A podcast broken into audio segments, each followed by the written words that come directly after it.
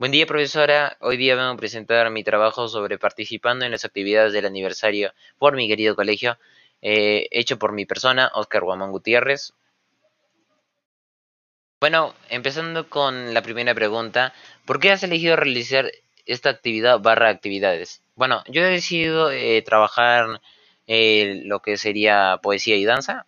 Poesía bueno, eso fue elegido por tutoría, pero en sí me gustó bastante la forma en la que llegué a hacer mi poema, porque me salió para mi gusto bastante bonito y me parecía también una buena forma para expresar mis sentimientos en forma de un arte.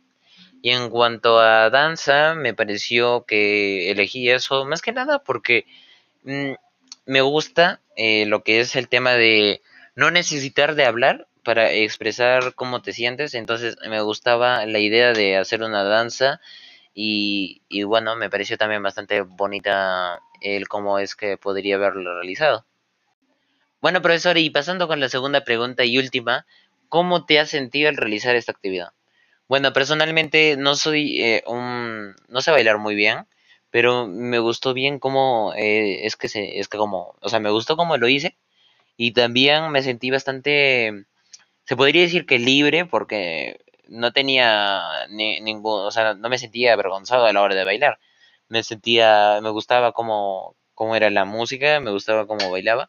Entonces creo que se podría decir que me sentí bien a la hora de bailar, sin presión ni nada.